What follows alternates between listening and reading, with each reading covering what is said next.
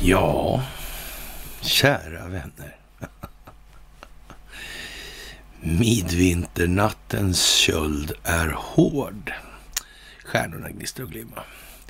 Ja, jultomten kommer tidigt i år verkar det som minsann. Många fina julklappar. Befolkningen får vad den förtjänar. Tro ingenting annat. Så har det alltid varit. Och så kommer det alltid att förbli. Det är därför eh, vi befinner oss i jordens genom tiderna största folkbildningsprojekt. Befolkningarna måste faktiskt förtjäna sin frihet innan de kan få den. De har aldrig haft den. De har levt i en villfarelse om att man har haft den. Men det är inte samma sak som verkligheten. Nej, optiken den är lysande och kall. Som isen i ett nordiskt klimat. Kung Bore härskar nu över landet. Och svensken är orolig. Det är någonting som gnager och skaver i sinnelaget. Det är någonting som är på ett sätt som det aldrig har varit tidigare. Mm. Det är tid för eftertankens kranka blekhet. Det är tid för självbildsrevisionen även i det här landet. Så vi skriver den första december 2021. Och då är det onsdag idag. Och då är det något annat som kommer. Alltid som ett brev vid det gamla postverket. Det kommer ett onsdagsmys. Ja, som sagt, det här är ju lite annorlunda måste man väl nästan tillstå va? Det är ju inte precis alla dagar i veckan det händer så lite saker som det gör de här dagarna. En sak som hände var att jag slapp ut från Facebook finkan för vad det nu var för mening med det där egentligen. Men det kan vi diskutera och lär vi kunna räkna ut så småningom. Men det ser inte ut att ha varit så dumt i alla fall. Så där. Det känns som att det är lite bättre flyt på algoritmerna helt enkelt på sidan just nu. Det är väldigt fantastiskt att se. Det är ju rätt så trevligt med den typen av genomslag på allt man gör faktiskt. Det går väldigt snabbt då och det är ju väldigt viktigt att förhindra det om man, ja, man kanske inte vill att det ska gå för fort heller då om man säger. Det kan vara så också. det ska man inte glömma bort i det här. Vi måste hålla vår takt i den totala utbildningsutvecklingen helt enkelt. Och får inte yra runt som virriga hönor hit och dit. Hönan Laura. Då tänkte vi väl på främst. Och eh, ja, de här faktorerna bakom de chockhöjda elpriserna, de blir ju allt mer fantasifulla. Det är ju riktigt kul att se. Alltså det här med den handel med finansiella el energiinstrument. Det är fantastiska grejer helt enkelt. Vilka grejer. Ja, det är som sagt det är tomtar och troll överlag och eh, loften är fulla skulle man väl kunna säga på sina håll. Jaha, och eh, sen har vi då naturligtvis det återkommande det här covidiotin då som är nu, ja, vad den är helt enkelt. Det måste till lite ökad förståelse i den ändan också. Men å andra sidan så kan man säga så här. Det har ju faktiskt utgjort en väldigt fin hävstång för att förstå, för många människor förstå att det här med läkemedelsindustrin, det är ju, är ju någonting som, som inte kan klassas som något så fint och flott eh, som, ja vad ska man säga, skamligt och, och moraliskt helt förfallet och förtappat. Så bra är det ju inte. Det är någonting mycket sämre. Och, och det kan man ju säga, det är ju lite av en tillnyktring i det avseende i vart fall. Och Filippinerna ska försöka vaccinera hela 9 miljoner människor på tre dagar med start under måndagen. Och det kan man ju säga verkar lite optikmistiskt faktiskt. Det kan vi väl säga då lite lätt sådär. Mm. Det kommer ju en massa sådana här grejer hela tiden. Och eh, ja, nya Notre Dame får kritik häromdagen då, liknar PK Disneyland och det kan man ju tycka är lite märkligt det här. Och eh, hur var det här med den här ringen i Notre Dame egentligen? Ja, jag vet inte faktiskt. Det där är konstigt. Det är någonting märkligt med det där. Ja. Vi har varit på det förut för flera år sedan också sådär så att men eh, vad är det där egentligen? Mm. Jaha. Det är som sagt tömma läder. Ja, så det där har folk fattat. Ja, vad ska man säga? Det här är ju en liten insats som pågår nu när vi har ny statsminister igen, den gamla vanliga första kvinnliga statsministern som vi har haft en gång tidigare i sju timmar och så vidare. Hon är gift med Richard Friberg och ordförande för Internationella valutafondens högsta rådgivande organ. Sådär. Mm. Men eh, hon är mest lojal mot den svenska befolkningen. Inget bra exempel där. Hon har ju dragit med sig ett gäng också. Annika Pannika till exempel. Hon har lite poolbusiness. Mm. Eh, finns det mer i den där poolbusinessen som kanske borde bli känt som har någonting med någonting att göra? Kan det vara så? Ja. Mm. Det finns massa saker. Undrar om det kan vara så att eh, det ja, finns telekombolag som har lyssnat på Madame Strand L. Mm. Kanske FRA har lyssnat. Kanske någon har lyssnat på FRA. Mm. Hur var det där? Hade någon avlyssnat de svenska politikerna eller inte? Mm. Oj. Tänk om det blev fel.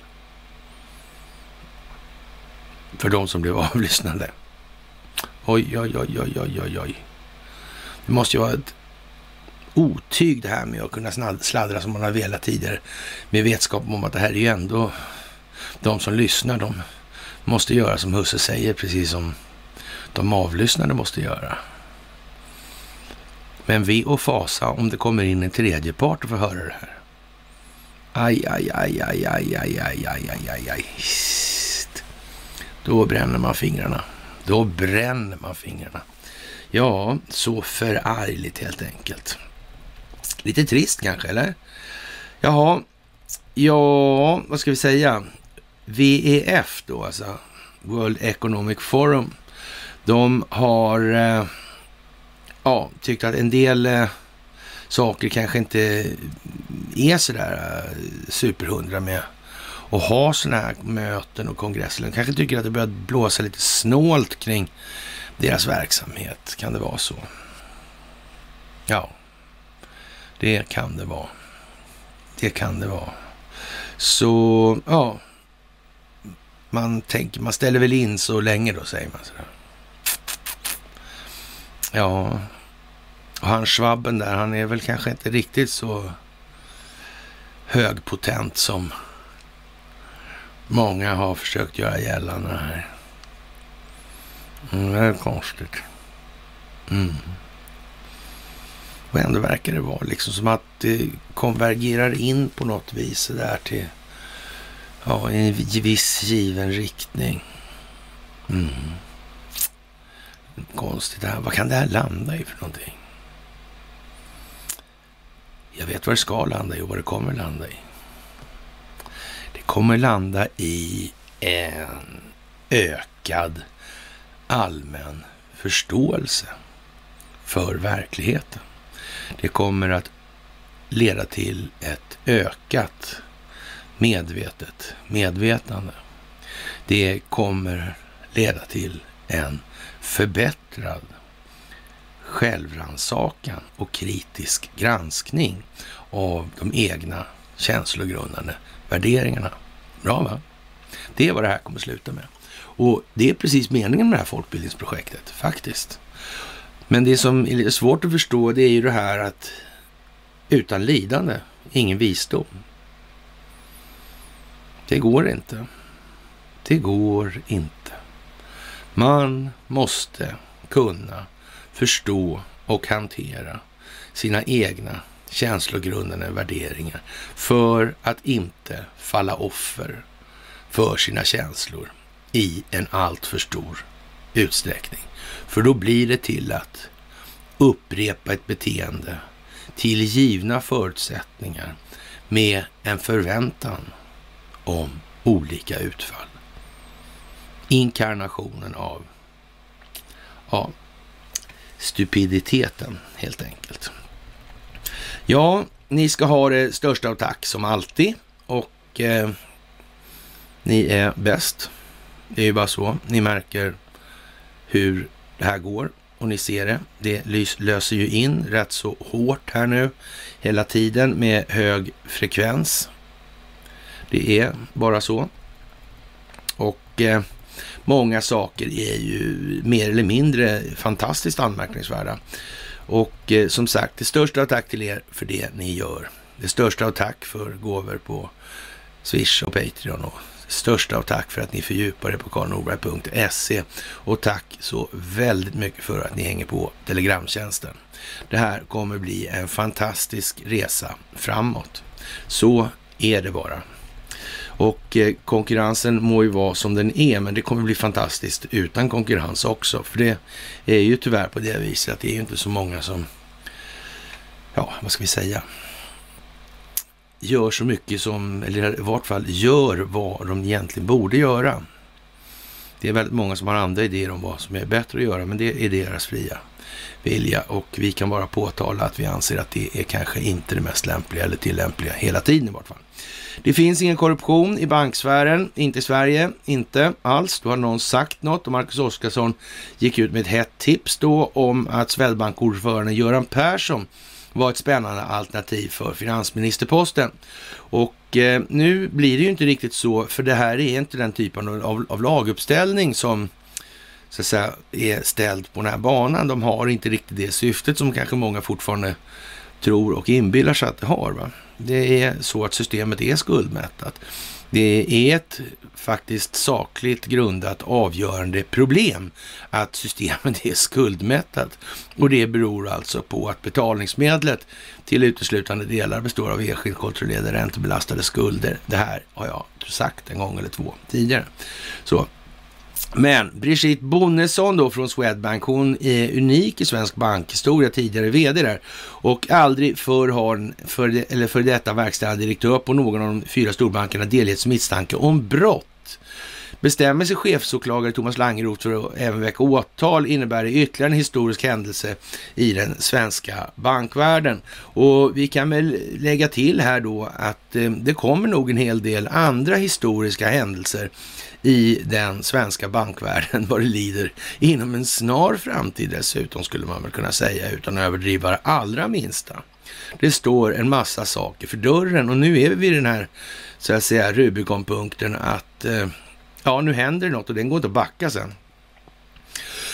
nu kommer någonting spela ut sig här, vad det nu blir för någonting, men det återstår ju att se. Vi har som sagt inte möjlighet att se precis allting på hela planeten hela tiden i realtid. Alltså vi sitter där vi sitter. Men vi gör ju det här på ett sätt som i vart fall inte står någon annan efter i så motto.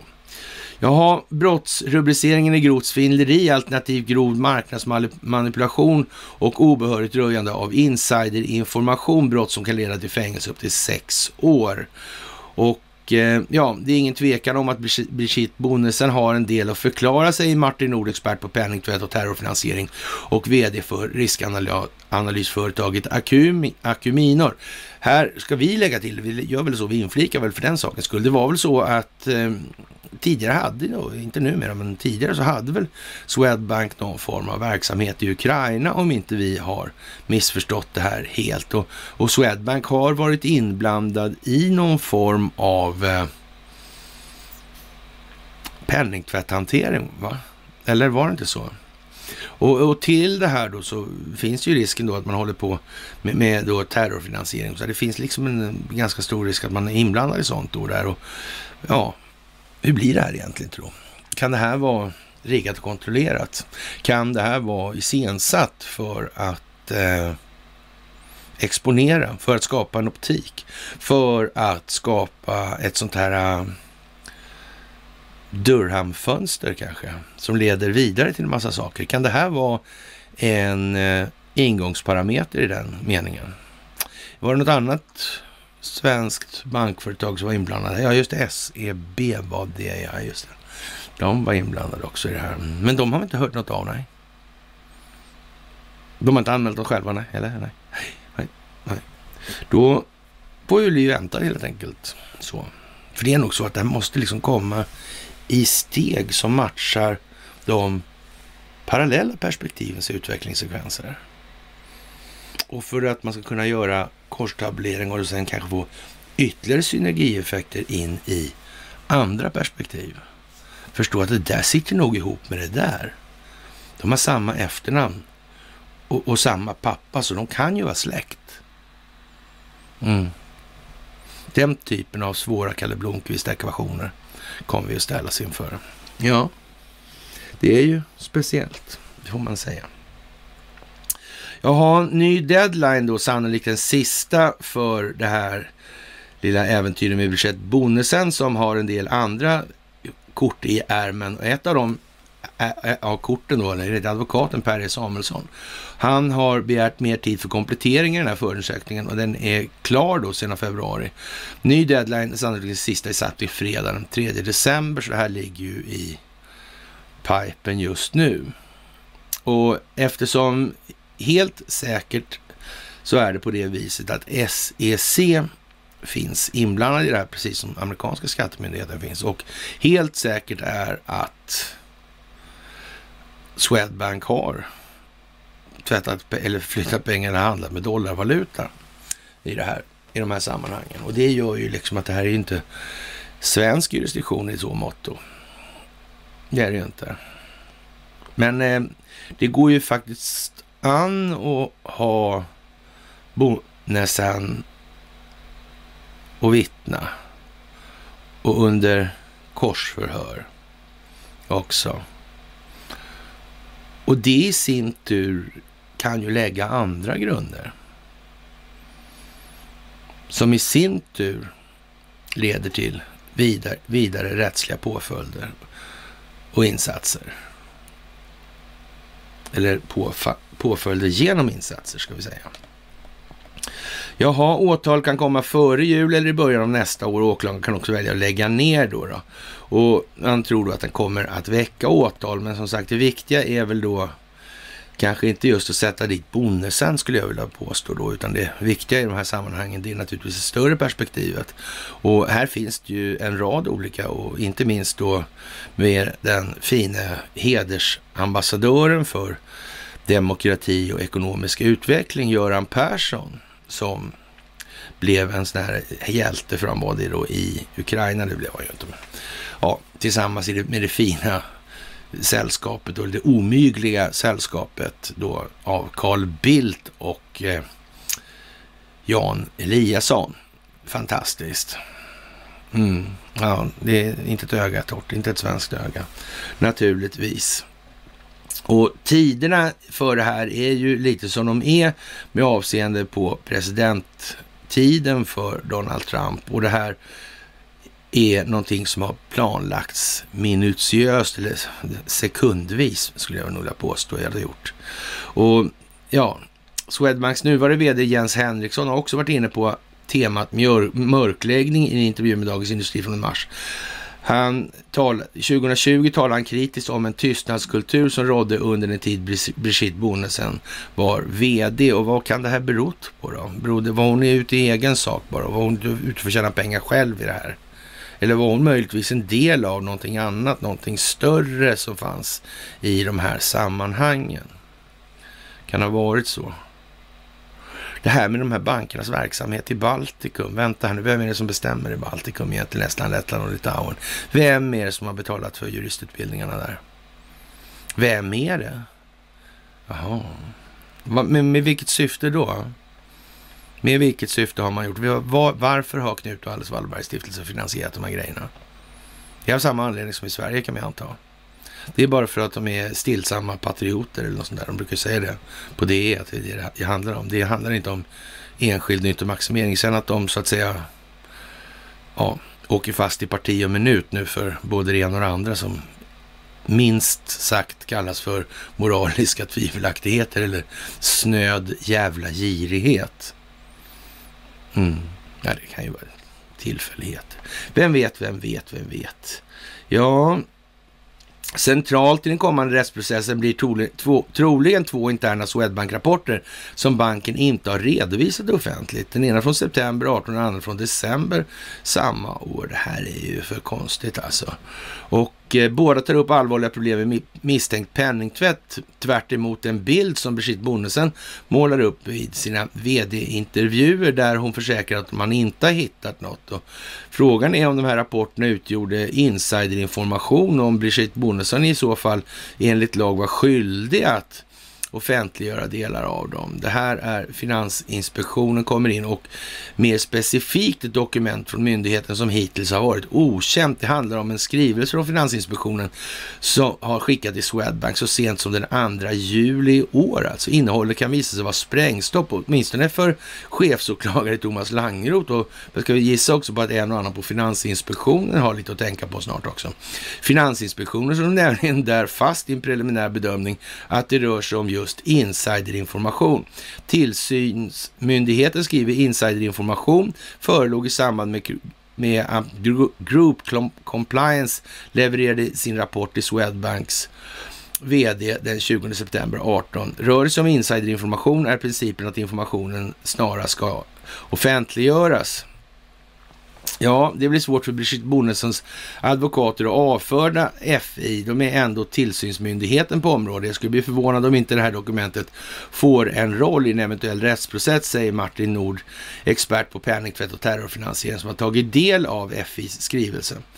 Ja, till saken hör att Stockholmsbörsens disciplinnämnd, alltså en privat enhet och en enskilt kontrollerad instans alltså. Ja, bara två månader innan FIs skrivelse hade gjort en mycket snarlik bedömning. Det var också därför som FI valde att lägga ner sin granskning av Swedbank, har man sett. FI, heja! Ja, numera fienden alltså till den svenska befolkningen, inte ja, ja, det är ju som det är liksom. Det var av Swedbank just i det här fallet trots kritiken. Tillsynsmyndigheten ansåg att banken redan hade fått ett straff. Okej? Okay? Och, och, och, det vet man helt säkert då att de här pengarna och de, det här vitet då, eller vad det nu var för någonting, det var inte fullt med villkor. Det var ingenting de hade kommit överens om och, och sådana här saker, utan det för det här är ju liksom helt schyssta verksamheter. Det, man håller ju inte på någonting. Och, och, det finns ju ingen korruption alls i de här, så att säga, samhälleliga instanserna, om vi ska kalla det för det ens. Men det är väl lite grann som i underrättelsetjänsterna. Va? Det är väl lite samma sak. Vad ska vi med det där till egentligen? De är ju bara där för att se till och skapa legitimitet åt den här korruptionen hela tiden. Det är ju ingenting annat, någonsin ens. Och man kan säga så här. Vad är det för jävla löss och rackapack som sitter på de här jävla instanserna? Vad är det för andlig resning? Det är ytterligt svårt att se vilken roll kan de ha i ett samhälle. Jag menar, det är ju Kapten Klänning-genre på den moraliska hållningen. Man företräder kvinnor utåt sett, men hemma eller hemma vid eller annars på övrig tid, fritid, ja då håller man på med då minsann. Alltså övergrepp, jag tror någon, ja. Måste ju förstå var gränserna ligger. Ja, ja. Precis. Jaha, Stockholmsbörsen Disciplinen besöt vidare att Swedbank skulle betala böter på nästan 50 miljoner kronor, bland annat för brott mot regelverket kring insiderinformation. Och eh, ja, vi får väl se hur det blir det här. Det, Swedbank är inte unikt, det är viktigt att komma ihåg, säger antikorruptionsexperten om det här då och eh, Louise Brown hette hon. Och 18 av Europas 20 största banker har dömts för penningtvätt. Det är inte alls så att det verkar vara någon grej som alla håller på med. Och, och frågan är väl då liksom, är, är, är det bankerna som är problemet här eller vem fan är det som är problemet? Och, och frågan kommer ju osökt upp. Är det bra att samhället håller sig med sådana där typer av verksamheter överhuvudtaget? Är det nödvändigt? Är det någonting som i dagens teknologiska utvecklingsklimat inte skulle kunna hanteras av i princip bara datorer? Eller? Hur fan är det här egentligen? Behöver vi traditionell bankverksamhet och varför? Till vad behöver vi det? Det kanske man ska fundera på. En del saker blir ju faktiskt så moderna med tiden. Det är ingen idé att tillverka mekaniska räkneapparater längre. De elektroniska är bättre, enklare att hantera. Ja, som sagt, 18 av 20 största. Att en tidigare vd får klä skott genom åtal innebär inte att problemen försvinner alltså. Och Per E Samuelsson vet vad han håller på med, så han lägger inga vidare aspekter på det här i form av uttalanden i sammanhanget. Han vet vilken, eller hur man ska spela för att vinna kort sagt. Det finns några stycken sådana inom den svenska advokatkåren. Men de är inte så vanliga att det räcker för att säga att det finns advokater. Det, vi pratar nog ett väldigt litet fåtal helt enkelt. Ja, den sexbrottsdömde miljardären Jeffrey Epstein, han eh, skänkte pengar till Handelshögskolan. Ja, det är samma Handelshögskola. det är samma Handelshögskola med Heckscher och så vidare. Ja, de här som eh, backade upp Kapten Klänning. Varför gjorde de det egentligen? Och den där jävla handelshögskolan, fick inte de pengar? Jo, de fick pengar, ja. Just, just det, det var det han fick. Epstein, ja. Mm. Barbros finest. Mm. Sofia. Mm. Det är rent av som man undrar om det här, ja, ska vi säga, mötet i samband med något OS. Ja, vem låg bakom det där? Men inte skulle väl? Jo, oh. det skulle de. Mm. Man kan säga att det var nog sådär lagom uppkäftigt på sina håll efter Washingtonförhandlingarna och man hade nog en klar idé från det hållet att nu skulle det inte komma något jävla kungahus och trampa här inte. Nej. Det skulle fan motas Olle i grind. Den vägen. Och det gjorde det. Borgakungen må ju vara en egen byracka, men han skulle fan lära sig att han inte skulle bitas. Så var det också. Ja, det är lite originellt kanske. Kryger en gång i tiden, samma tid lite tidigare. Det är, ja, som det är. Det har vi sagt och det vet ni mycket väl nu. Jaha, vi börjar ju komma fram till det här med att jag var tillbaka på Facebook då idag till exempel. Och eh, man kan säga att eh, vem tjänar pengarna på, eller tjänar mycket på att eh, de här vaccinpassen kommer då, då. Det är obegripligt naturligtvis. Obegripligt. Det är otur igen alltså. Kivra med Wallenbergs och H&M's ordförande Carl Johan Persson. Han har haft fingrarna i lite här och var den där Persson. Och det lär ju komma fram också skulle man väl kunna säga utan vidare. Och med eller utan Ekobrottsmyndigheten och Finansinspektionens benägna bistånd. För jag är rätt säker på att, ja, som någon sa, de har rätt mycket information sparat. Som de har samlat på länge, helt enkelt. Ja. Och vem vet, det kanske blir lite tråkigt det där. Han hade ju till och med haft fik på sina H&M förr i tiden lite grann sådär. Och, ja. Det kanske var någon som hade dem och så satt de ihop den vägen också. Man vet ju inte. Kan det vara så? Kivra hade redan före kravet på över 90 procent av marknaden alltså. Och de som har tjänat på det här alltså det är Wallenbergs och Carl-Johan Persson som gynnas kraftigt av statens krav på vaccinbevis. Alltså staten gör någonting för att gynna de här. Det är ju konstigt. Kunde man inte tro. Eller hur? Men man tror att staten ska ju vara för samhället och medborgarnas bästa främst, alltså landet. Mm. Det verkar inte vara så då. Det här blir lite övertydlig optik, vart det inte det? Det kan ju vara bra kanske att tänka på att det, det här ser osnyggt ut. De går ju igen hela tiden. Hela, hela, hela tiden så går det här igen. Och eh, ja, Kiver hade redan före kravet 90 procent av marknaden och har dragit in över en halv miljon kunder bara på de här bevisen. Och det är ju fantastiskt. Fantastiskt. Vilka stjärnor. Det är skickligt affärsmannaskap helt enkelt. Det verkar inte alls vara byggt på någonting annat. För övrigt var skickligt affärsmannaskap när det handlar bara om eh, informationsfördelar. Ja, vad är det för någonting egentligen? Värsta lögnhalsen alltså. Så. Mm. Ja, Donald Trump han anklagar Meghan Markle för att ha utnyttjat prins Harry och varit respektlös mot drottningen. Och det här kommer ju naturligtvis eh, ta en bra fart. Och det är ju riktigt bedårande med den här dramaturgin som Donald Trump spelar upp nu. Med, inte minst med avseende på IRS då, alltså. Och den amerikanska skattemyndigheten och Security Exchange Commission eller Committee. Ja, det är ju lite som det är nu här. Trevligt helt enkelt då. Eller så.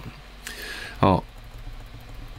Och det kokar ihop som ni ser. Det handlar om skatteparadisen, det handlar om penningtvätt och så vidare. Vi är liksom, nu snor vi runt granen i ganska snäv innerkurva helt enkelt. Jaha, och eh, Kiev har enligt rapporter då, ja, engagerat över 100 000 man då och eh, mycket militär hårdvara då i den här Donbassregionen enligt ryska utrikesdepartementet då. Och ja, jag vet inte vad man ska riktigt säga om det här.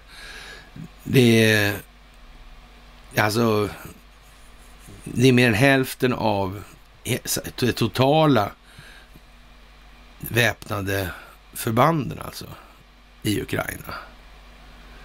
Jag menar, ja, vad ska de göra då? Vad ska de göra? Kan man fråga sig då. Det här blir lite dumt och det är nästan som man hör historiens vingslag med avseende på det här med vad sa han? Var det inte någon som sa något häromdagen om senaste försökte så gick det inte så bra där och sen så kom vi in på de här grejerna med när det sista framgångsrika slaget för Karl XIIs vidkommande ägde rum då, slaget vid Hollovsyn där. Mm. Vad var det här egentligen? Det här ser konstigt ut. Det verkar lite som att historien upprepar sig. Kan det vara dramaturgi bakom? Kan det vara så? Det skulle kunna vara det. Det skulle kunna vara det. Det ska kanske inte uteslutas helt i vart fall att vi kommer få se ett fyrverkeri och praktskådespel. För optikens skull. Och det här är kryddat med lite allmänt lidande och på några håll rättmätigt förtjänat stort lidande. Kan det vara så? Kanske man har missat de pedagogiska effekter som borde sökas. Eller har man inte gjort det? Vilket kan det vara? Har man tänkt till?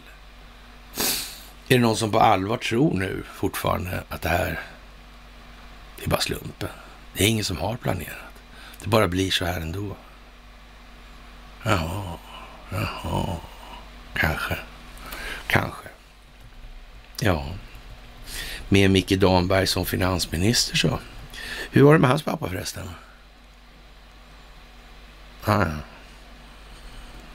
Ja, vi får väl hoppas att han inte snor alla pengarna i landet i alla fall.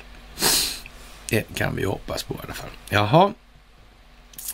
Hållbarhet och digitalisering är någonting som ligger den här SEB-chefen som har något att göra med IRS och SEC fortfarande faktiskt. Ja, han pratar om värderingar och i hans fall är det naturligtvis också känslogrundande värderingar, för det är alla sorts värderingar då är det, i någon, en eller annan omfattning. Det kommer en tid när agnarna skiljs från vetet, säger han, grötmyndigt då. Och det är vetemjölsgröten kanske då, inte vet jag.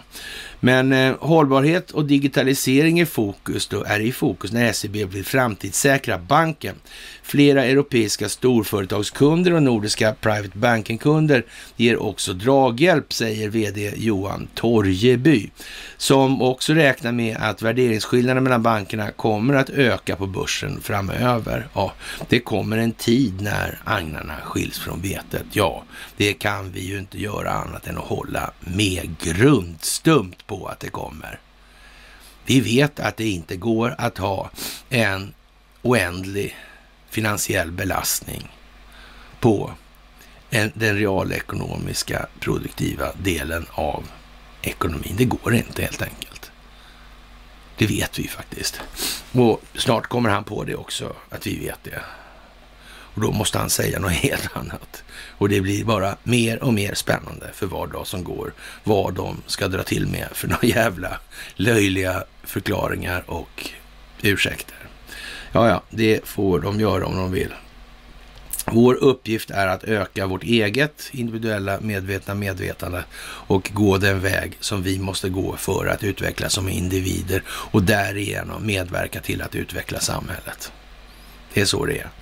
Jaha, världen mer skuldsatt än någonsin. Sverige i topp kan man ju tycka då eh, ligger lite i tiden och det gör det ju faktiskt. Men nu börjar ju fler då av de här som jag gnäller på hela tiden, de alternativa medierna, nu börjar ju de faktiskt förstå att nu är det dags att hålla näbben stängd i andra riktningar och göra vad som är lämpligt och rimligt istället. Bättre sent än aldrig, alltså.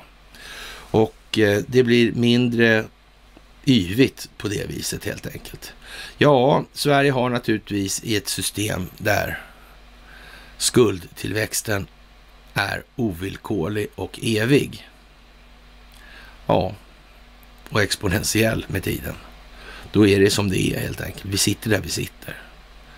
Det finns inget annat faktiskt. Ja, Kofotspoliser slog till mot barnfamilj, kriminell man skriven på deras adress.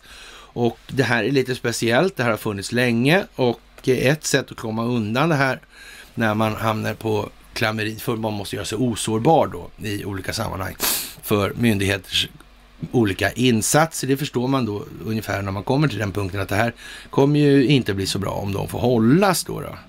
Och, och, då måste man se till att klä av alla, man får inte ha en massa tillgångar, man får inte äga någonting, man får liksom göra sig själv lite omöjlig att ha att göra med på det viset. Och helst ska man ju inte ha något fast boende heller i de här sammanhangen. Utan det, tidigare var det så att man i alla fall kunde skriva sig då på en pastorsexpedition till exempel, där man var kyrkobokförd tidigare. Så här, det gick det ju bra, men nu vet inte jag om det är så längre.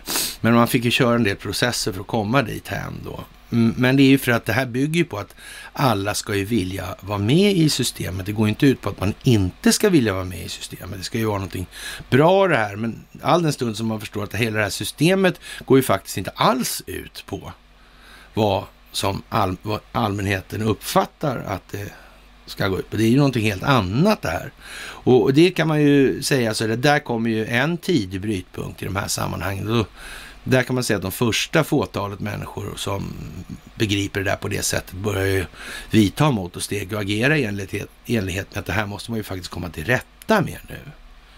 Så, så får man ju lägga undan en massa andra grejer som är, måste anses som tämligen meningslösa ur ett större perspektiv.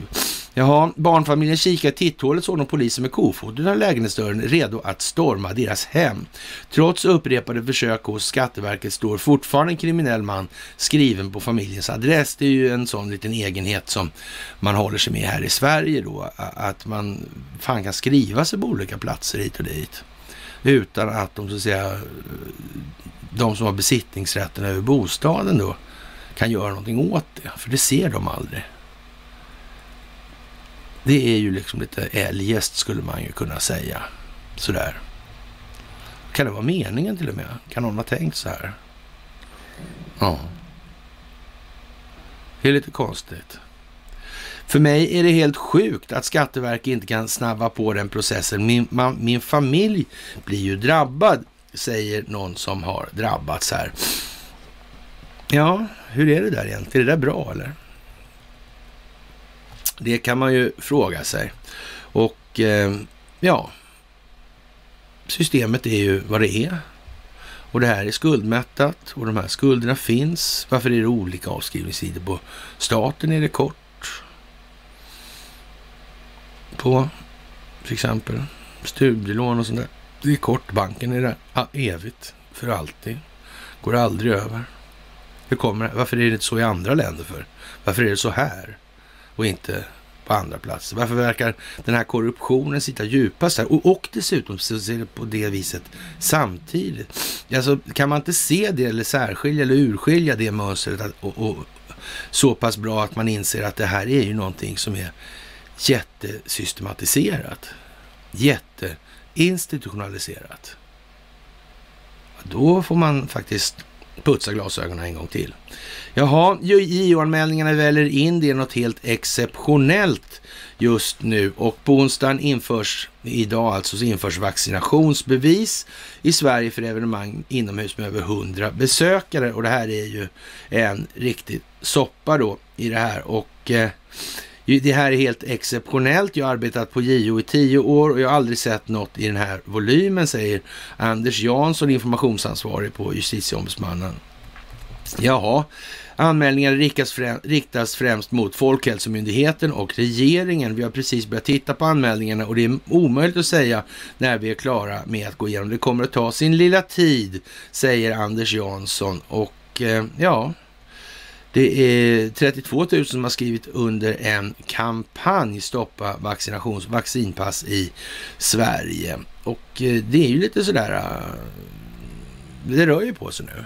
Och precis som du sa från början här, det här är ju någonstans också så att det här har ju skapat ett momentum. Det har ju blivit en trigger. Faktiskt. Och ur det perspektivet så visst, det måste ju till. Det måste ju till lidande. Ja, men hur enkelt kan man göra det här annars då? då? Med mindre vedermödor än de rent intellektuella. Det verkar ju vara liksom en rätt så bra lösning på rätt många annars svåröverkomliga problem, helt enkelt. Ja, användes av svensk polis. Nu bötfälls AI-bolaget och det här är ju väldigt speciellt också. Och naturligtvis, det är ju inte ett dugg planerat det här i något som helst sammanhang.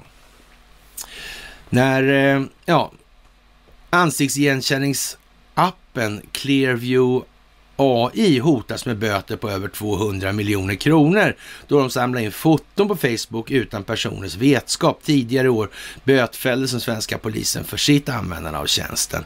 Originellt nog alltså. Redan där förväg alltså. Så man ska inte få någon aning om var det här ska någonstans. Alltså, det var inte så det var tänkt. Nej, Nej. då har de samlat in foton alltså utan personers vetskap. Och eh, det amerikanska bolaget Clearview AI använder artificiell intelligens för att identifiera ansikten från bilder på nätet. Tekniken riktar sig till myndigheter men användandet av ansiktsigenkänningen är inte helt okontroversiellt. Ja, bolaget har till exempel satts under, en jävla massa stavfel i den här artikeln också. Eh, Bolaget har till exempel satts under lupp i Kanada, Australien och Storbritannien. Ding, ska det säga då. Va? Mm. Det är bara USA och Nya Zeeland kvar. Så är det. Mm. Och då då? Vad händer då? Ja, där finns det i alla fall en telekominfrastruktur, det är helt säkert. Och vilken det är, jag tror vi har dragit de historiska kopplingarna vid ett eller annat. Eller enstaka tillfällen till och med. Jaha, som sagt, det där är ju lite, ja, vad ska jag säga? Där bland annat deras användning av skrapad data och biometri från individer har utretts. Nu slår brittiska informationskommissionären ICO fast att Clearview AI gjort allvarliga överträdelser av Storbritanniens dataskyddslagar. Det rapporterar The Guardian då och enligt utredningen har bolaget samlat in ansiktsbilder bland annat via sociala medier som Facebook utan personers vetskap. För detta riskerar Clearview nu böter på 17 miljoner pund, runt 204 miljarder kronor. Och det här är inte ett ensamt bolag av att bötfällas för det här, den här typen av verksamhet. Och Tidigare år slog Integritetsskyddsmyndigheten fast att den svenska polisens användning av tjänsten bröt mot brottsdatalagen. Något man bötfälldes med 2,5 miljon kronor för. Fantastiskt kännbart helt enkelt. Och eh, vad ska man säga? Eh, polisen ja, bötfälldes liksom. Jaha.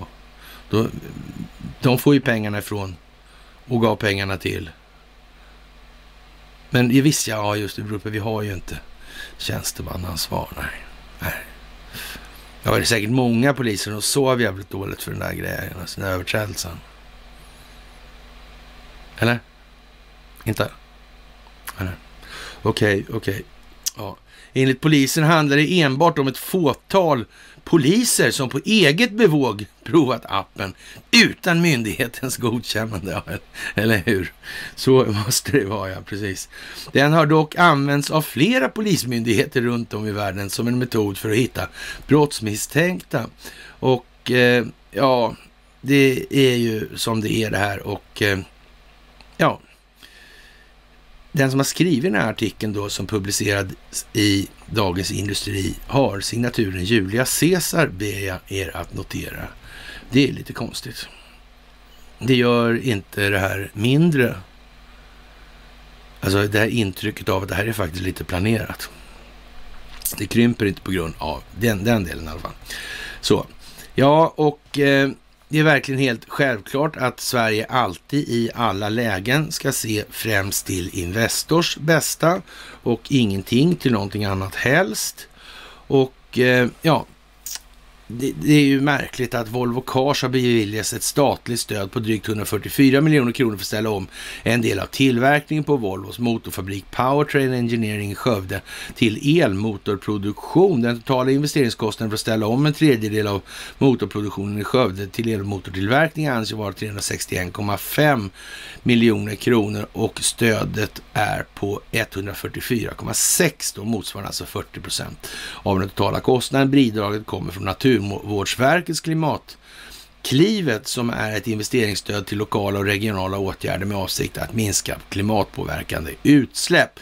Som särskilt villkor för att för bidraget ska konverteringen ha genomförts senast vid utgången av 2024. Volvo-aktien har efter inledning på minus vänt till att handlas 2,7 procent upp vid då ungefär 20 i 10 i morse då. Vad fan ska vi säga? Det är som det är liksom nu.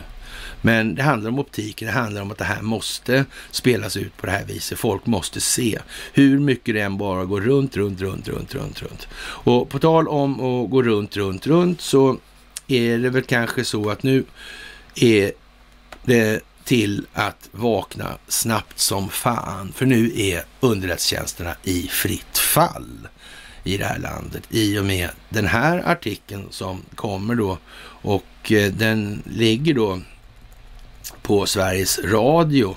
Och, och man, man, får nog säga, alltså, eller SVT är och man får nog säga i det här att det blir inte, om man inte ska uttrycka det i klartext och därmed undandra den möjliga vidare utvecklingen för många individer. Och, och det ska man ju helt försöka låta bli då naturligtvis. Och Ja, det är långt bortom löjeväckande. Det såg ut som ett lägenhetsbråk i Gävle, men det visade sig snart vara ett mordförsök på en tjetjensk regimkritiker. Två personer dömdes för dådet, men frågan om vem eller vilka som låg bakom, det sträcker sig längre än så. Uppdrag granskning kan som vanligt då avslöja att en hemlig underrättelserapport Nej, men vän av ordning undrar ju då när Uppdrag granskning har befattar sig då med, med den här typen av hemliga underrättelserapporter. De som, det här är inte vilken jävla skitrapport som helst, utan den här lägger alltså ansvaret för det här mordförsöket på Rysslands president Vladimir Putin för attacken i Gävle. Kreml förnekar all inblandning i ett mejl till SVT. Och eh, ja, Abdu Rashmanov är Tjetjeniens kanske största regimkritiker. Under vintern 2020 när han när hans hundratusentals följare från, via sociala medier från sin lägenhet i Gävle, vad han inte vet då är att han är skuggad. Främmande män kartlägger hans liv och rörelsemönster i Sverige. Okej. Okay. Mm. En dag vaknar han i sin säng av att en man attackerar honom med en hammare. Efter några blodiga slag lyckas Tumso övermanna sin angripare, slå ner honom och börjar förhöra honom samtidigt som han direktsänder förloppet på sitt Instagramkonto. Jag tog telefonen och ringde en god vän och sa att jag blivit överfallen och bad dem ringa efter polis och läkare. Sen gick jag tillbaka och startade en livesändning på Instagram där jag ställde frågor till honom, säger Tumso Abdurashmanov. Först på plats är polisen i Gävle, men snart inser man allvaret i det som hänt och kopplar in Säpo. Anledningen till att vi tog över var att det fanns misstankar om främmande makt kunde ligga bakom det här mordförsöket, säger Daniel Stenling, chef för kontraspionaget på Säpo. Säpo Ja, attacken var beställd, säger man då. Ha, en man och en kvinna döms för sin inblandning i hovrätten för Ryssland. I hovrätten får Ryssland Mamajev, mannen med hammaren, 12 års fängelse för försök till mord. Kvinnan som vid tillfället har en relation med Tumso Abdurrahmanov får ett och ett halvt år för medhjälp till grov misshandel efter att med hjälp av ett kodord ha släppt in angriparen i lägenheten. Båda utvisas från Sverige. Ytterligare en man, den då 39-årige tjetjenen Imran Kashanov, misstänks av Säpo som en av hjärnorna bakom attacken och är försvunnen och internationellt efterlyst.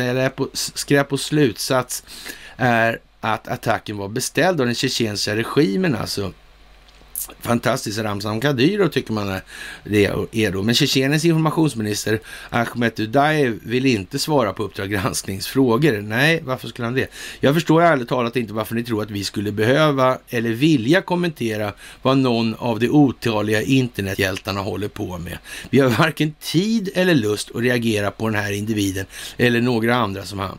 Och Eh, ja, utomrättsliga avrättningar. Jag är inte riktigt säker på vad de inomrättsliga avrättningarna innebär för konsekvenser egentligen. Men, men det kan vi ju lämna därhen så länge då. Uppdrag granskning har tagit del av en hemlig rapport från en europeisk underrättelsetjänst med känsligt material om vilka som bär ansvar för attacken mot Tumso och andra tjetjenska regimkritiker i Europa. Det, den här rapporten beskriver hur Ryssland och Tjetjenien utvecklat sin förmåga att genomföra utomrättsliga avrättningar och pekar ut ett specialförband inom nationalgardet, SOBR Terek, som har kapacitet att organisera och genomföra mord. Rapporten lägger ansvar för de tjetjenska morden och mordförsöken däribland faller Gävle på Vladimir Putin. Det konstaterar att så länge som Tjetjeniens president Ramzan Kadyrov inte går för långt låter Putin honom hållas. En bild som delas av Totalförsvarets forskningsinstitut, FOI, i Sverige. Och eh, som ledare för Ryssland så kan man anse anses ha ansvaret, i synnerhet om det är så att man till synes inte gör någonting konkret för att stäva den här typen av övergrepp på mänskliga fri och rättigheter och övergrepp på andra staters suveränitet genom att skicka mordpatruller runt om i Europa, säger Fredrik Westerlund, säkerhetspolitisk expert på FOI som har fått läsa den här rapporten. Då. Och Kreml Ja, för Tumso Ab Abdurrahmanov så är det uppenbart vilka som har beställt det här. Och eh, naturligtvis ligger den ryska regimen i Tjetjenien bakom det här. Det här det är inte ett sådant brott som bara en person ligger bakom. Det här är inte. Det här är staten som ligger bakom. Det är ett brett, eller det är ett politiskt brott säger han. Så det är ett brett spektrum här alltså. Ja, I ett mejl undertecknat Ryska federationens president Vladimir Putin svarar presstalspersonen till Uppdrag granskning. Vi har verkligen ingenting att göra med dessa mord på människor i europeiska länder. Och allvarligt talat, vem fan är det som ligger bakom det här egentligen? Hur svårt ska det vara? Hur svårt ska det vara?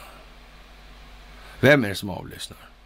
All den stund som underrättelsetjänstkollektivet i Sverige börjar höra talas om, börjar få nys på, börjar kunna mäta in mönstren, preferenskartorna, de känslogrundande värderingarnas förskjutning.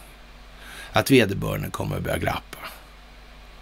Han eller hon kommer att försöka snacka sig ur det här. Var befinner vi oss i det här? På det sluttande planet, nattgammal is. Okej. Okay. Men... Eh, så man kan väl säga så här att den djupa statens läcktätning, den skulle yttra sig just på det här viset. Och inte på något annat vis. Hur skulle de annars göra? När de som är inblandade där förstår att de är på den förlorande sidan, vad gör de då? De vill börja sjunga. De vill komponera till och med. Ja, ja, det verkar inte så bra för den djupa staten kanske. Så vem kan det vara? Uppdrag granskning här i Sverige. Vem påverkar dem? Tjetjenska befolkningen? Ryska befolkningen? Nej, det gör de inte. Den svenska befolkningen. Mm. Ja, ja, ja. Påverkar de Tjetjenien? Påverkar de Ryssland? Idag är Lavrov här. Eller om det är imorgon han kommer. Ja. Ska han Linde ta upp det här då? Eller? Är det en bra grej? Nej. Hur är det här egentligen? Det är lite trevligt det här. Roligt att vara tillbaka förresten. I Facebook-sammanhang så får vi lite tajtare kontakt. Det tycker jag är jätteskojigt. Riktigt trevligt faktiskt. Och med avseende på att det använda kärnbränslet numera kan användas vidare så är det ju knappast läge att slutförvara. Och det här är ju ett problem då för Annika Strandhäll som inte vet hur många nedlagda eller reaktorer som har tagits ur drift överhuvudtaget. Kan inte så mycket om någonting. Eh, inte heller betala sina polräkningar tydligen då. Men som sagt, vi återkommer till det. Och eh, Regeringen kommer att ge besked i frågan om slutförvaret av kärnavfall i absolut närtid, säger den nya klimat och miljöministern Annika Strandhäll till P1 Morgon. Och eh, hon har en ambition att ge besked före Lucia, ljusets drottning. Vad är det? Och en deadline som har satts upp av oppositionen det har ju varit Sveriges största miljöärende.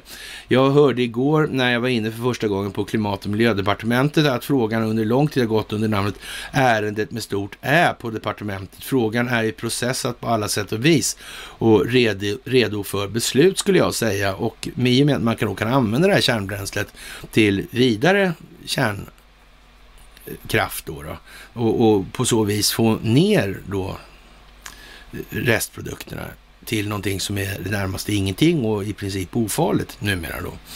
Ja, då är det ju liksom lite speciellt på så vis. Då är det här med slutförvar, det blir ju någonting annat. Nu är det ju ett lager där som ligger där nere. Mm. Och varför har man gjort så där? Hur var det nu med de här jävla reaktordrivna båtarna? Egentligen. Upparbetning, upparbetningstider och, och sönderfallstider och sånt där. Hur var det där? Det var väl lite speciellt skulle man väl kanske möjligen kunna säga. Sådär lite. Jaha, och Nigel Farage har träffat Donald Trump och om jag fattar det rätt då så kommer den här ikväll då. Den intervjun. Jag trodde att den redan hade gått igår men jag hittar den inte sen när jag letar efter den sådär. Och eh, hundratals norrlänningar nekas tandvård varje vecka. Det har blivit värre. Och, och, jag vet inte alltså. Jag tror de får ta bort tandvården för norrlänningarna. Så de får gå med tandvärk helt enkelt. Ja, det är fan ingen dålig idé alltså. Det är inte livsfarligt alltså på det viset. Obehagligt, otrevligt och dumt. Absolut. Men vilket jävla lidande ska man behöva ta fram eller åstadkomma för att de här människorna ska liksom kamma till sig? Det här duger ju uppenbarligen inte. Jag menar, det, ju, det ser ju löjeväckande ut enligt väl insatta uppgifter alltså. I Ljungan. Ovanför Torpshammar. Var, varför släpper de på vatten där uppe för redan? Vad, vad kan tanken vara? Varför gör de så här för? Är det för att eh, isen ska lägga sig snyggt eller? Den här senaste förklaringen. När brydde man sig om något sånt senast i de här sammanhangen?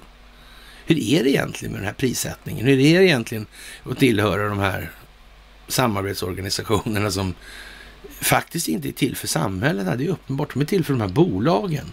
De här bolagen är enskilt kontrollerade. På bekostnad av samhället alltså. Eller på samhällsbekostnad. Jaha. Vad konstigt. Varför är det så? För hur kan politikerna gå med på det om de företräder medborgarna? Eller landets befolkning, eller ländernas befolkning. Hur kommer det sig att de går med på det här? Vad beror det på? Ja, jag vet inte. Som sagt, tandvården kanske gå ont i tänderna är inte så roligt. Det är ganska bland det tråkigaste som kan hittas på. Då kanske man får upp engagemanget lite grann. Ja, ja. Enpartistaten Wallenbergs Investor bestämmer allt i bladet och herr Svedberg då har författat det här. Det här är ju fantastiskt och eh, det är mycket repetitioner det här som gäller. Det här är ju många perspektiv som man kan koppla ihop alltså till oändlighet i en hel global företeelse och här i Sverige är den inte minst framträdande om vi uttrycker oss som så då lite grann. Jaha, all skit på ett ställe skulle man väl kunna kalla det för när man har en liten sammandragning, en internationell konferens vid Arlanda idag.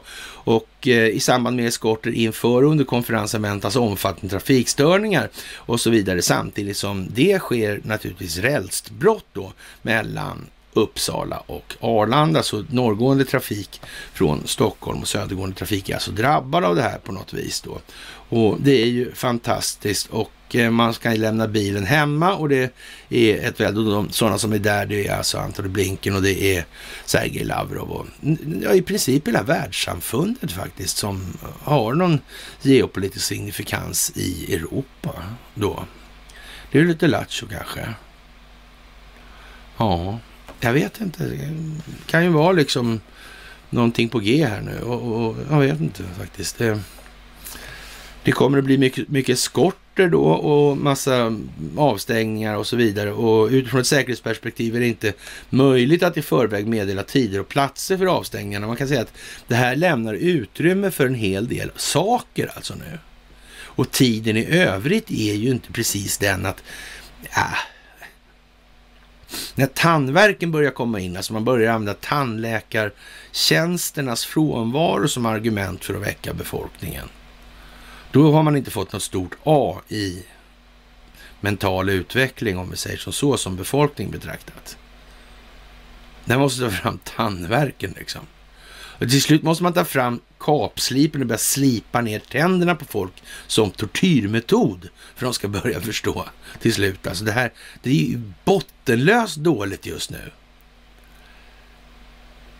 Men det är klart att alltså, en monumental ovilja beror på någonting också. Så är det också. Den svenska hjärntvätten har varit massiv, intensiv och invasiv också. Ja, vi får väl se vad det här kommer att föra med sig och vi hoppas som sagt fortfarande på att det här ska gå under ordnade former. Och eh, ja, i Tyskland har man ju haft en del att reda i genom historien här och de har ju sedan gammalt haft e- en rätt så att säga avspänd syn på det här med personlig utveckling. Så. Utan de har ju lite grann varit rätt så filosofiskt materialistiskt orienterade rent historiskt, så kan man säga, som enkla lösningar. Gärna peka på någon annan också, sådär. det är lite fint och sådär.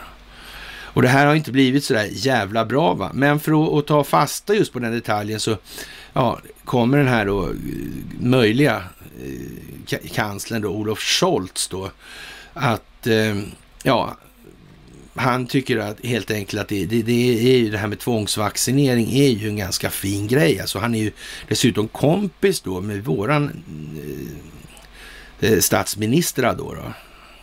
Och jag vet inte riktigt om, om det här är ett lyckogäng alltså tillsammans. sagt. Han, han har ju den här lilla detaljen med valfusket över sig alltså. Och vi har ju förvisso inget valfusk, men vi har en valmyndighet som säger att de har ingen budget för att ha några val. Och det kan man ju säga är, är beroende kanske på att de eh, lever nu i en uppfattning om att de här valen vi har haft tidigare, de kanske inte har varit så där tillfyllest i förhållande till vad man har förespeglat att de har varit. Det kanske måste till någonting mer nu, lite bättre kanske. Så. Och, och, att alla de här länderna dyker upp här just nu i den här tiden, det, eh, det ska vi nog inte utesluta för att vara lite grann av ett hjärtäckande. Så är det nog faktiskt. Lite trevligt kanske va? ja, ja, vi får se, vi får se. Eller rättare sagt. Jaha. Magdalena Andersson rekommenderar folkrörelsen Den fria, kommer ni så väl ihåg. Och eh, Ja, det var ju bussigt av henne och, och det kunde vi inte för vildaste fantasi tro att hon skulle göra med flit. Så det har vi, ja, så att säga tagit för någonting annat än sitt nominella värde då kan vi säga.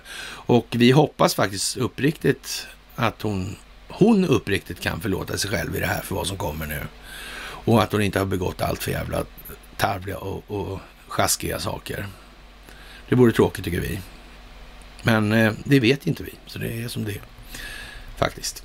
Jaha, FBI har identifierat mannen med Skellefteå-halsduken. Det här är ju något speciellt naturligtvis, för det är ju naturligtvis inte planerat på något sätt det här med någon form av minut, minutiös noggrannhet heller.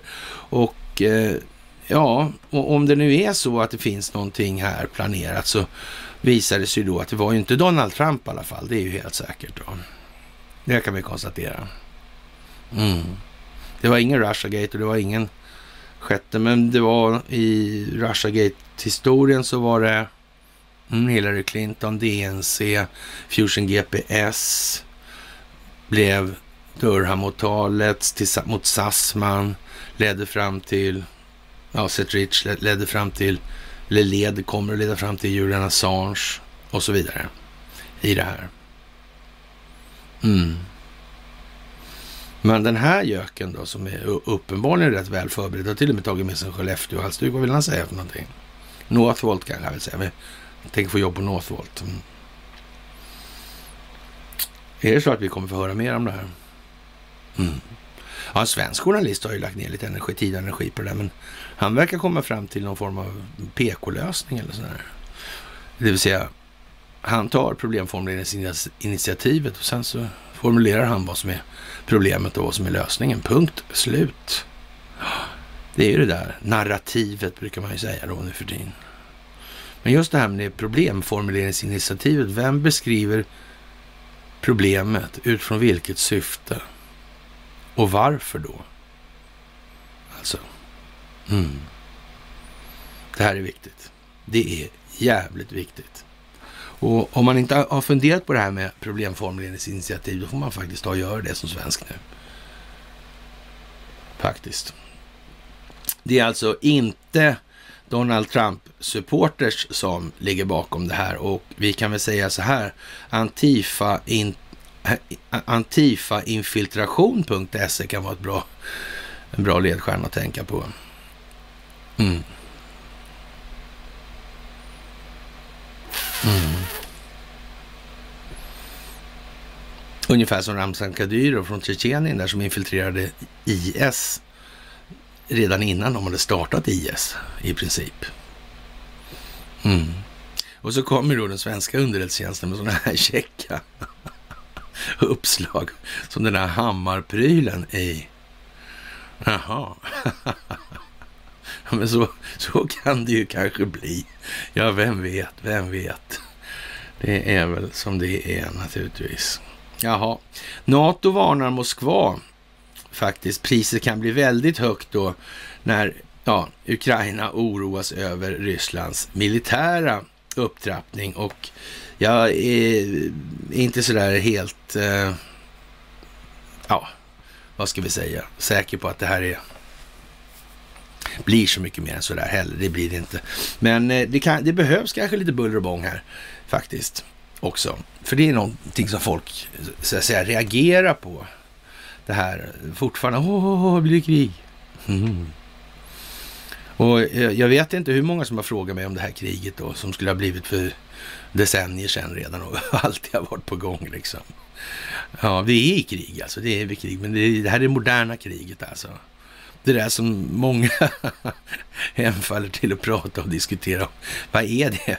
Alltså, vad ska nyttan vara exakt? Men det vad är man ska vinna liksom och så vidare. Men om man, om man ska komma åt Ryssland då, för vad då? Jo, man vill ha tag i alla de här naturresurserna sådär. Ja, visst. Ja, men om vi nu säger så här att Ja, men är det bästa man kan göra då är det, och, och, och Kärnvapenbombare här då? Är det någon bra grej om man ska hålla på med sånt? Komma över naturresurser. Det är en smart grej. Men det verkar inte vara så smart. Nej. Ja, då kanske man ska säga så här, det, det, det blir inte så mycket radioaktivitet. Och då, då är hela, om det inte blev så mycket radioaktivitet av det där, ja men då är ju hela grejen med det kalla kriget uppenbarligen byggt på rätt tvivelaktiga antaganden skulle man kunna säga. Mm. Eller? Så hur, hur, man än gör då från djupa statens sida nu så befinner man sig i den trista situationen att näsan pekar i ena riktningen och arslet åt andra. Sådär. Även om det, man kan bli förvirrad när man ser en del politiker sådär, att de tror det är samma sida. Sådär. Ja, priset kan alltså bli väldigt, väldigt högt nu. Det, det verkar ju speciellt. Ja. Och eh, Vitrysslands ledare då, Alexander Lukasjenko, han, eh, ja, försvara det här med liksom att stänga ner de här globalist-NGO-erna alltså, som George Soros och sådana här har alltså. Och, och, det kan man ju faktiskt tycka är lite bra. Värt att minnas tycker vi i anti-Antifa-tider. Eh, ja, Vitrysslands president Lukasjenko uppmärksammar globalisterna och säger till dem att deras system av icke-statliga eh, organisationer, NGOs, kommer att utplånas i hans nation. Vi kommer att massakrera allt avskum, avskum som ni har finansierat. Och ni är upprörda över att vi har förstört deras, alla era små strukturer, era icke-statliga organisationer, vad det än är, som ni har betalat för, förklarar den kontroversiella ledaren när han förhördes av en BBC-reporter. Vi rörde inte människorna som arbetade för Vitrysslands bästa, som hjälpte människor. Men människorna som använde er hjälp fick finansiering från er och slog sönder allt här. Ert folk, ni såg här i Minsk. Om vi inte redan har likviderat dem så kommer vi att likvidera dem inom en snar framtid, tillade Lukasjenko. Det får man ju säga är eh, halvhyfsat dramatiskt i alla fall. Och, och, vi kan ju säga så här, när Antifa nu inte längre vet vem de kan lita på i de egna leden för att de är infiltrerade, det har de räknat ut för länge sedan nu. Det är helt säkert. Och därför blev det heller inga kravaller i med den här frikännande domen. Det duger inte nu längre. Nu vet de att nu är det inte avlyssning, det spelar ingen roll hur mycket telefoner de inte använder då, eller hur de nu gör för att kommunicera. Det är helt betydelselöst nu. För nu vet de inte vilka inom organisationen eller strukturen som faktiskt aktivt motverkar den djupa staten och dessutom tillhör de delar av underrättelsetjänstkollektivet som gör detsamma, också motverkar den djupa staten. Det är den trevliga situationen som Antifa till exempel befinner sig i just nu. De riskerar hela tiden att gå i en fälla. Och nu har de ju gjort det. Och det blir inget bättre. De har gjort det två gånger här nu. Mm. Och någon tredje gång. Ja, det verkar svårt att se att de köper det en gång till. Men tredje gången gilt för all del, för all del, för all del. Jaha, Ghislaine Maxwell rättegången gick alltså igång häromdagen då och eh, oturligt nog så verkar det som att den här flygmyndigheten då har då, ja, helt plötsligt eh, avslöjat då 700 tidigare okända eh, flygturer då för Jeffrey Epstein och hans plan där. Men inga loggar över vilka som var eller så. Eller? Och frågan är alltså så här, och, och, vad är det här för någonting egentligen? Vad kommer det här leda till? Och uppenbarligen är det ju så att det har sprungit runt en massa till exempel israeliska ministrar där. Och det är ju liksom inte för att vränga på småbrudar alltså. Nej. Speciellt inte när de har underrättelsetjänsten med sig i släptåg. Då är det annat. Då är det annat. Mm. Mm, vad ska man säga? Och ja, vi kommer tillbaka till det här lite grann. En intressant grej i sammanhanget. Vaccinpasset är början på en utförsbacke, Peter Wemblad, SvD, ledare. Och man kan väl säga så här att eh, folkbildningen pågår inifrån prostitutionens stora kyrka också nu. Man är tvungna. Man kommer bli ohjälpligt efter. Man är redan ohjälpligt, ohjälpligt efter. Man vill inte förlora allt. Det kommer man att göra i alla fall. Men eh, som sagt, de kommer inte ställa sig upp och be om ursäkt för det som har varit. Det kommer inte hända heller. Det kommer att bli på det här viset. Deras maskätna själar och deras frånvarande moral kommer att leda dem till en plats där det luktar vitriol. Där det är ensamt. Det finns inget lugn. Trots det. Det är bara stress, hetta, stress, tryck. Ja. Och därifrån finns det bara en väg. Den går genom sig själv. Och den går genom förlåtelsen.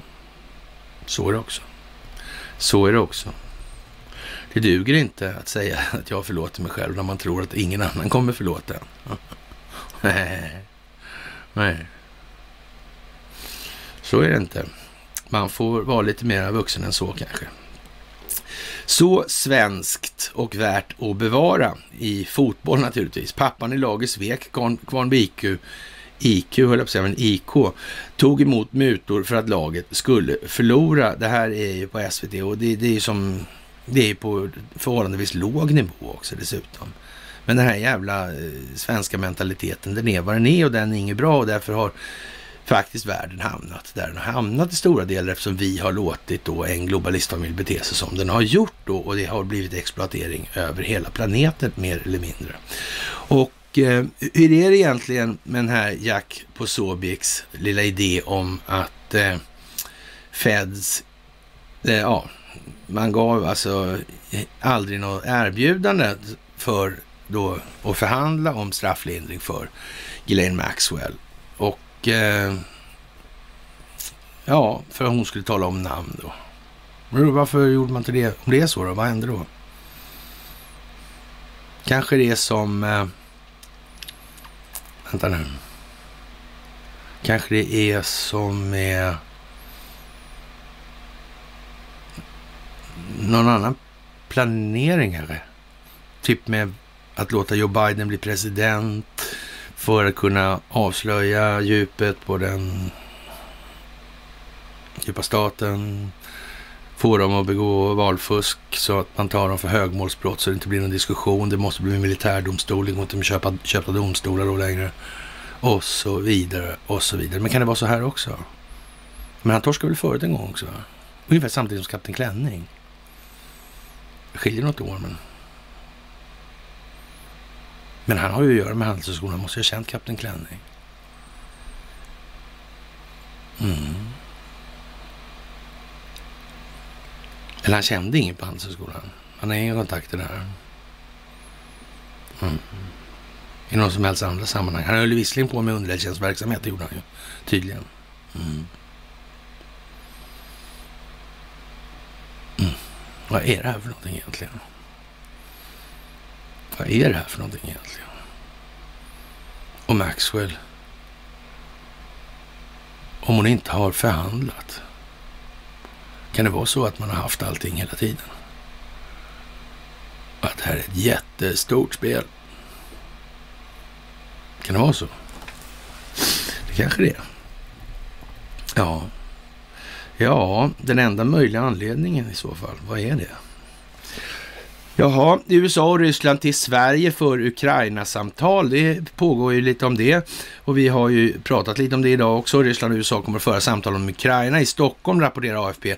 Den amerikanska utrikesministern Antony Blinken och hans ryska motsvarighet Sergej Lavrov kommer att resa till den svenska huvudstaden på torsdag imorgon alltså. Förlåt mig.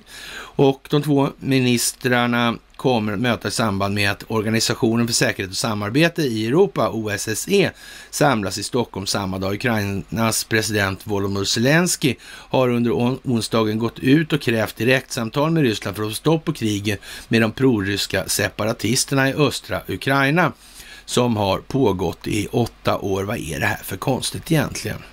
Ja, det blir vi snart varse helt enkelt och det här måste spelas ut på exakt det sätt som det gör. By the way, vem är den enskilt största givaren, och vi ska kalla det för enskilt i alla fall, men till Clinton Foundation och Hillary Clinton? Ja, det är Ukraina.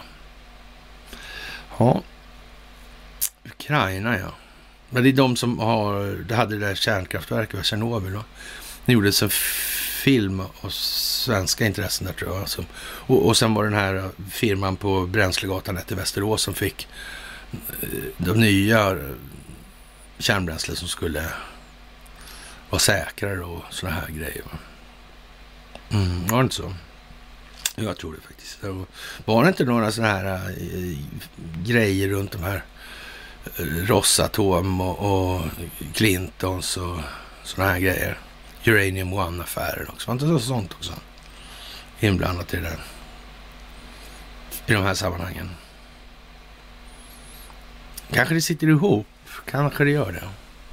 Kan det göra det? Eller kan det inte göra det? Mm. Kanske någon upptäckte det för länge sedan. Kanske måste man ha så här lång tid på, på sig för att skapa den optik som krävs för att människor ska få en tillräcklig bild att referera till med vad de kan i övrigt. Kan det vara så? Kanske. Eller kanske inte. Det måste man fundera på helt enkelt. Jaha, lite speciellt. Det är ju så att säga, det är inte sådär eh, ljusårsavstånd direkt vi snackar om här och eh, Ukrainsk minister vill att NATO skrämmer Ryssland här. Vi, vi, ja, vad ska vi säga?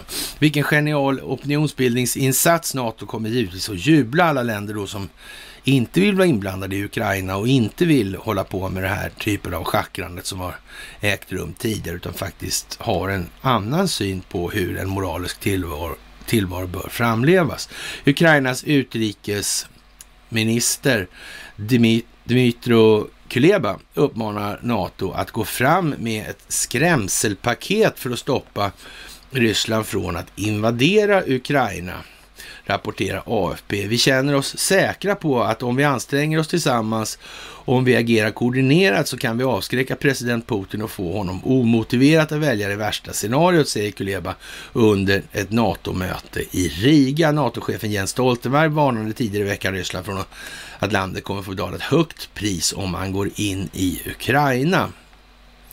Ja, men vad skulle man gå in i Ukraina för? Det som är någonting här, det är ju alltså att djupa staten ut, eller skapar ett anfall på sina egna förband då istället. Och, och det ska ju sen då i sin tur ge hävstång nog och till, tillräcklig opinionsbildningsmässig grund eller tillräckligt opinionsbildningsmässigt stöd för ett vidare militärt agerande. Men, men det här är ju ingenting som Ukraina kan göra själva då, för det kommer ju ta 15 sekunder efter de har påbörjat det så är så att säga den ambitionen borta. Så det kommer inte att hända. Och det kommer ju inte naturligtvis inte hända annars heller, därför att om det nu är så att det här är planerat på minsta vis, då finns det också en idé om vad som är rätt och riktigt i verkligheten och det innebär att det här att underlivsporslinet skulle då dra landet i ett reguljärt hett krig. Ja, men det finns ju inte på en karta liksom. Vad ska de hålla på och åka fram och tillbaka på några jävla stepper då? E- eller vad är tanken med det här? Det är naturligtvis opinionsbildningsmässigt. Det är precis som Lukasjenko säger då att vi, ja, vi kan gruppera ut lite grejer här, eller Ryssland kan få ställa lite grejer på vårt område. Det behöver inte för det första inte det där.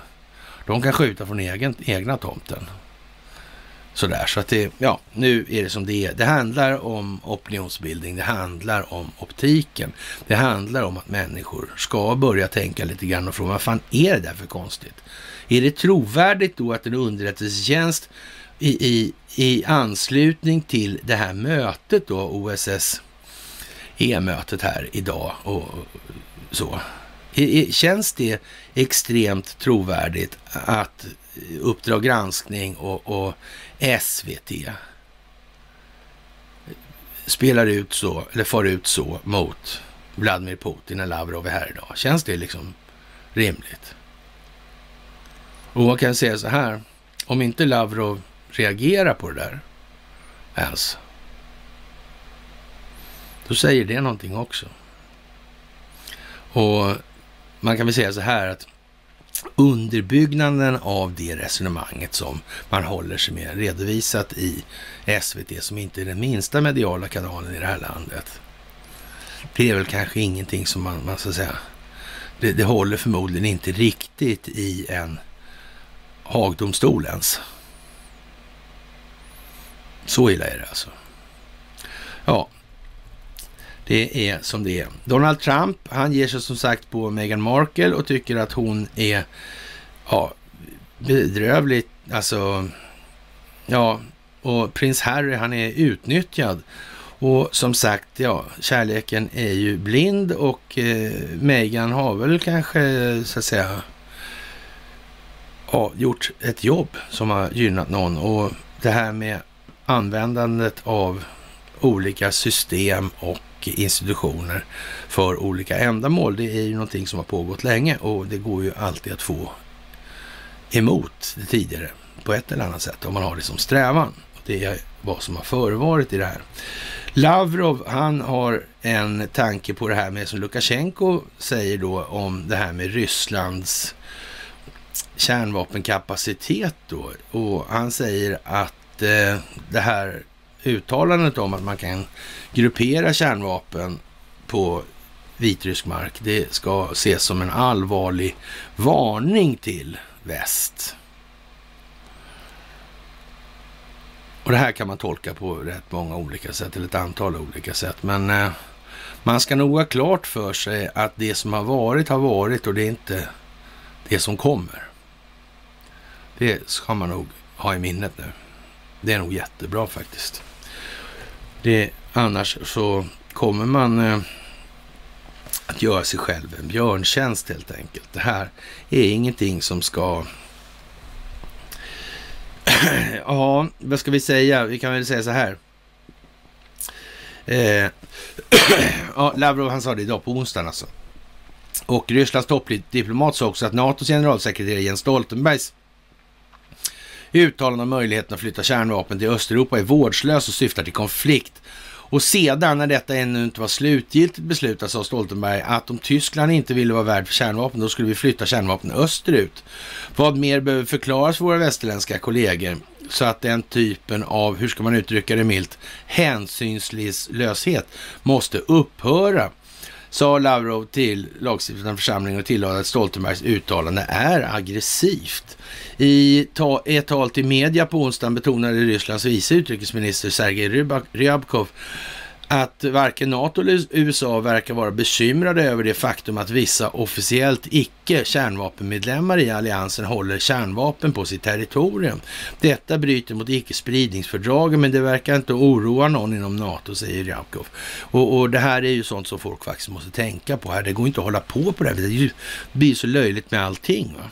Så att det liknar ankskit bara så här. Och eh, ja, det är många som tror för mycket om för många saker. Och eh, om inte det här är en klassisk speltrycksförskjutning, så säg och det handlar om Myanmar där man nu börjar stå i begrepp att dela ut domslut, domar helt enkelt, i olika sammanhang. Och eh, där är det då den här Aung San Suu Kyi som står lite rassligt till och har en rätt så eh, rejäl straff på följd som ett möjligt utfall av det här alltså. Och, och ja, något hundratal år eller sådär. Mm. Och många tror ju naturligtvis att det här är någonting annat än vad det är, men det kommer att visa sig. Och det som, i, det, i vad som kommer nu så kommer det komma en massor med saker. I tät följd. Och det är ju trevligt. Och med det, mina kära vänner, så får vi väl se att det här, ja, närvaron på Facebook har tagit vid igen och då kommer det gå lite snabbare som det här sig plägar göra, eller bör göra ska jag säga.